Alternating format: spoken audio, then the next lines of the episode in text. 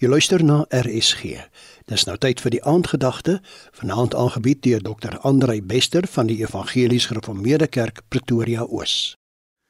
Goeienaand luisteraars, ek wil graag hierdie week tydens ons aandgedagtes 'n bietjie saam met jou dink rondom die tema van disippelskap. Nou wil ek net iets in jou midde lê vanaand. As iemand 'n talent sou hê om byvoorbeeld te skilder, Wat 'n voorreg sou dit wees om 'n leerling van iemand soos Rembrandt of Picasso te kon wees. Of as jy talentvol in voetbal is, wat 'n voorreg sou dit wees om 'n leerling van die baie bekende Ronaldo te wees. As iemand ook 'n kok byvoorbeeld wil word, wat 'n voorreg sou dit vir so iemand wees om 'n leerling van Jamie Oliver te wees. Nou roep die Here Jesus gewone mense soos ek en jy om sy leerlinge, ja, sy volgelinge te wees. En hy is baie groter en baie meer vernaam en uitstaande as Picasso en Rembrandt en Ronaldo en Jamie Oliver en wie ook al ons by hierdie vergelyking wil voeg.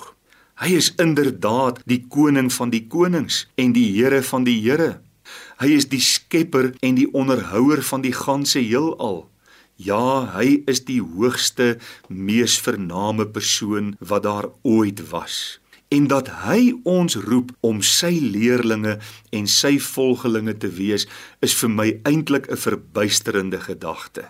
So lees ons in Matteus 9 vers 9 en toe Jesus daarvandaan verder gaan, sien hy 'n man met die naam van Matteus by die tolhuis sit en hy sê vir hom: "Volg my."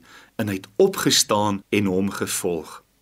Het dit al ooit tot jou deurgedring dat Jesus jou ook by jou naam roep om sy disipel, sy volgeling, sy leerling te wees?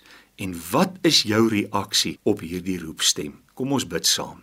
Hemelse Vader, help ons om te besef hoe groot die voorreg is om 'n disipel van die Here Jesus te wees en wanneer hy ons roep met ons hart en ons siel ja te sê en hom te volg ons lewe lank.